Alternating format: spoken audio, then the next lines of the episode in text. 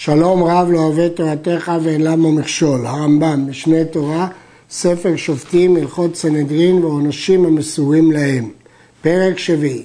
אחד מבעלי דינים שאמר פלוני ידון לי ואמר בעל דינו פלוני ידון לי הרי אלו שני הדיינים שברר זה אחד וזה אחד בוררים להם דיין שלישי ושלושתם דנים לשניהם שמתוך כך יצא הדין לאמיתו אפילו היה אחד שבררו בעל הדין חכם גדול וסמוך אינו יכול לחוף את בעל דינו שידון אצל זה אלא גם הוא בורר מי שירצה כן אחד מבעלי הדין בחר דיין מסוים שידון לו, והבעל דין השני ביקש מישהו אחר. השני הדיינים בוררים להם דיין שלישי, ושלושתם דנים לשניהם. כי מתוך כך יצא הדין לאמיתו. ואומר הרמב"ם שאפילו אם הדיין הוא גדול וסמוך, אינו יכול לחוף. יש להעיר שבמשנה יש מחלוקת אם שני הדיינים בוררים להם אחד, או שני הבעלי דין בוררים להם דיין שלישי. ויש גם ברמב"ם שתי גרסאות, אבל גרסתנו היא שבעלי, שהדיינים בוררים דיין שלישי. הנימוק שמביא הרמב"ם, שכך יצא הדין לאמיתו, כי כל אחד אה, ברר לו אחד, כותב הראש שאין הכוונה שהמטרה שכל דיין יהפוך בזכות מי שברר אותו, והשלישי יכריע. שאסור לדיין להפך בזכותו של אחד מהם, אלא טעם שהדיין יקשיב לדבריו ולטענתו. עוד שואל הטור, הרי יחיד מומחה יכול לחוף את שני בעלי הדין, ולמה אם אחד ברר אותו הוא לא יכול לחוף? התשובה, כיוון שאחד ברר אותו הוא נראה כמי שיהפך לזכותו. והתוספות תרצו, שמומחה יכול לחוף דווקא כשבעל הדין לא מוכן כלל לדון, אבל כשמוכן לדון בפני בית דין אחר לא יכול לחופו. מי שקיבל עליו קרוב או פסול, בין להיותו דיין, בין להיותו עליו עד, אפילו קיבל אחד מן הפסולים בעבירה, כי שני עדים כשרים להעיד עליו, או כי שלושה בית דין מומחים לדון לו, בין שקיבל על עצמו לאבד זכויותיו ולמחול מה שהוא טוען על פיהם, בין שקיבל שייתן כל מה שיטעון עליו וחברו בעדות זה הפסול או בדיניו, אם קנו מידו על זה, אינו יכול לחזור. אם הוא יתחייב שעדים פסולים, קרוב, פסול, עד אחד יהיה דיין או יהיה עד ועל סמך זה הוא ישלם או יוותר, אז אם קנו מידו הוא לא יכול לחזור. ואם לא קנו מידו, לא עשו קניין סודר על זה, יש לו לחזור בו עד שיגמר הדין. הוא יכול לחזור בו עד גמר דין. נגמר הדין והוציא הממון בדין זה הפסול לו בעדותו על סמך זה שהוא הסכים, אינו יכול לחזור בו. נחלקו המפרשים מהו גמר הדין שמופיע בדברי הרמב"ם. הטור והרמ"ח הבינו שדווקא לאחר שהוציאו את הממון, כי כך משמע מלשון הרמב"ם. אבל הכסף מישנה חולק ואומר שכיוון שבית דין אמרו איש פלוני אתה חייב, נחשב כאילו כבר יצא הממון, וכן כתב בפירוש הרמב"ם בפירוש המשנה. המלכת חינוך חוקר האם לבית דין פסול או לעדים פסולים שקיבלו עליהם, יש להם את כל דיני בית דין. לגבי הזמה, עמידה, עשיית צדק וכדומה. יש להעיר שלשיטת הרמב"ם מועילה קבלה גם שיהיה פסול וגם אחד במקום שלושה, ויש חולקים. וכן מי שנתחייב לחברו שבועה בבית דין ואמר לו, יישבע לי בחיי ראשך וייפטר, או יישבע לי בחיי ראשך ואני אתן לך כל מה שתטעון. כלומר, לא השבועה המקובלת בבית דין, אלא השבועה אחרת. אם קנו מידו, אינו יכול לחזור בו. אם עשו קניין סודר על ההסכם הזה, לא יכול לחזור. ואם לא קנו מידו, יש לו לחזור בו עד שיגמר הדין. נגמר הדין ונשבע כמו שאמר לו, אינו יכול לחזור בו וחייב לשלם.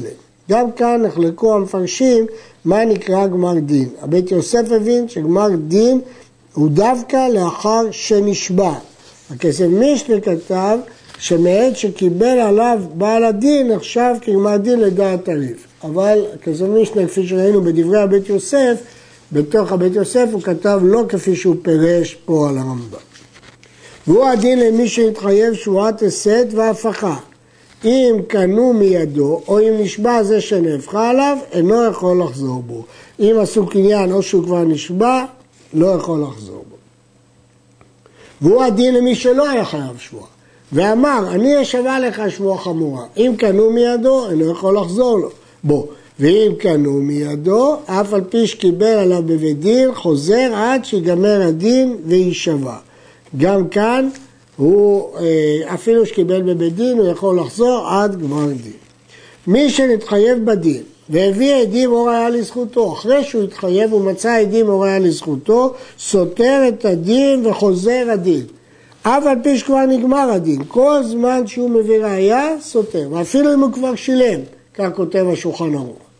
אמרו לו הדיינים, כל ראיות שיש לך הבא מכאן ועד שלושים יום, אף על פי שהביא ראיה לאחר שלושים יום, סותר את הדין. מה יעשה? לא מצא בתוך שלושים יום, הוא מצא לאחר שלושים יום. זאת מחלוקת במשנה, ואין רואים את זה כאילו הוא קיבל על עצמו להביא בתוך שלושים יום, כי הוא טעה, הוא חשב שהוא ימצא, והתברר לו שהוא לא מצא. אבל אם סתם את טענותיו, אינו סותר. כיצד? אמרו לו, יש לך עדים? אמר, אין לי עדים. יש לך ראייה? אמר, אין לי ראייה. דנו אותו וחייבו. כיוון שהיה נתחייב, אמר קרבו פלוני ופלוני והעידוני. או שהוציא ראייה מתוך הפונדתו, אין זה כלום ואין משגיחים על עדיו ולא על ראייתו. מדוע?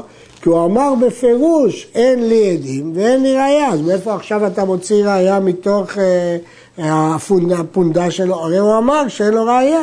אז ברור שזה נראה כמשקר. וכך פירש רש"י. הרעב"ד פירש שהטעם הוא מפני הודעת בעל דין, שהוא פסל את הראיות שלו. במה דברים אמורים? ושהייתה הראיה אצלו, והעדים עמו במדינה. לכן כשהוא אמר אין לי עדים ואין לי ראיה, הוא ויתר על הראיות האלה. אבל אם אמר אין לי עדים ואין לי ראיה ואחר כך באו לו עדים ממדינת הים, שהוא לא ידע עליהם, או שהייתה החמד של אביו שיש בה שטרות מופקדת ביד אחרים, ובא זה שהפיקדון אצלו והוציא לו ראייתו, הרי זה מבין, זה סותר. ומפני מה סותר? מפני שיכול לטעון ולומר, זה שאמרתי אין לי עדים ולא ראייה, מפני שלא היו מצויים אצלי. מאיפה עלה על דעתי שיגיעו ממדינת הים או שיבוא מישהו עם ראייה שאבי הפקיד אצלו. וכל זמן שיכול לטעון ולומר מפני כך וכך אמרתי לי עדים ואין לי ראייה והיה ממש בדבריו, הרי זה לא סתם טענותיו וסותר. לפיכך, אם פירש ואמר לי עדים כלל, לא הנה ולא במדינת הים, ולא ראייה כלל, לא בידי ולא ביד אחרים, אינו יכול לסתום, כי ברור שאין לו הסבר למה הוא אמר את הדבר הזה. במה דברים אמורים? בגדול שמתחייב. והביא ראיות ועדים אחר שסתם טענותיו, אז לא מתחשבים בעדים ובראיות. אבל יורש, שהיה קטן כשמת מורישו, ובאו עליו טענות מחמת מורישו אחר שהגדיל ואמר אין לי עדים ואין לי ראייה, זה ברור, כי הוא לא יודע בראיות של אבא שלו. ואחר שיצא חייב מבית דין אמרו לו אחרים, אנו יודעים להביא לך עדות שתסתור בדין זה. או אמר לו אחד, מורישך הפקיד אצלי ראייה זו. הרי זה מביאו מיד וסותר, שאין היורש הקטן יודע כל ראיות מורישו. עד עכשיו אמרנו שאדם שיש לו ראייה, למה הוא אמר בתחילה שאין לו ראייה? אבל פה הקטן לא יודע מה הראיות שיש לאבא שלו, ולכן זה ברור שהוא יכול לסתור את הדין. התוספות והראש סוברים שזה רק אם הוא היה קטן בשעת העמדה בדין. אבל במקרה שהיה גדול בשעת המדין, אפילו שבשעה שבית אביו היה קטן, נחשב כבר דעת רגיל, הוא היה צריך לחקור אם יש ראיות. אבל מהרמב"ם משמע שאם הוא היה קטן כשמת אביו, אפילו שעכשיו הוא גדול, הוא לא בקיא בראיות של אביו.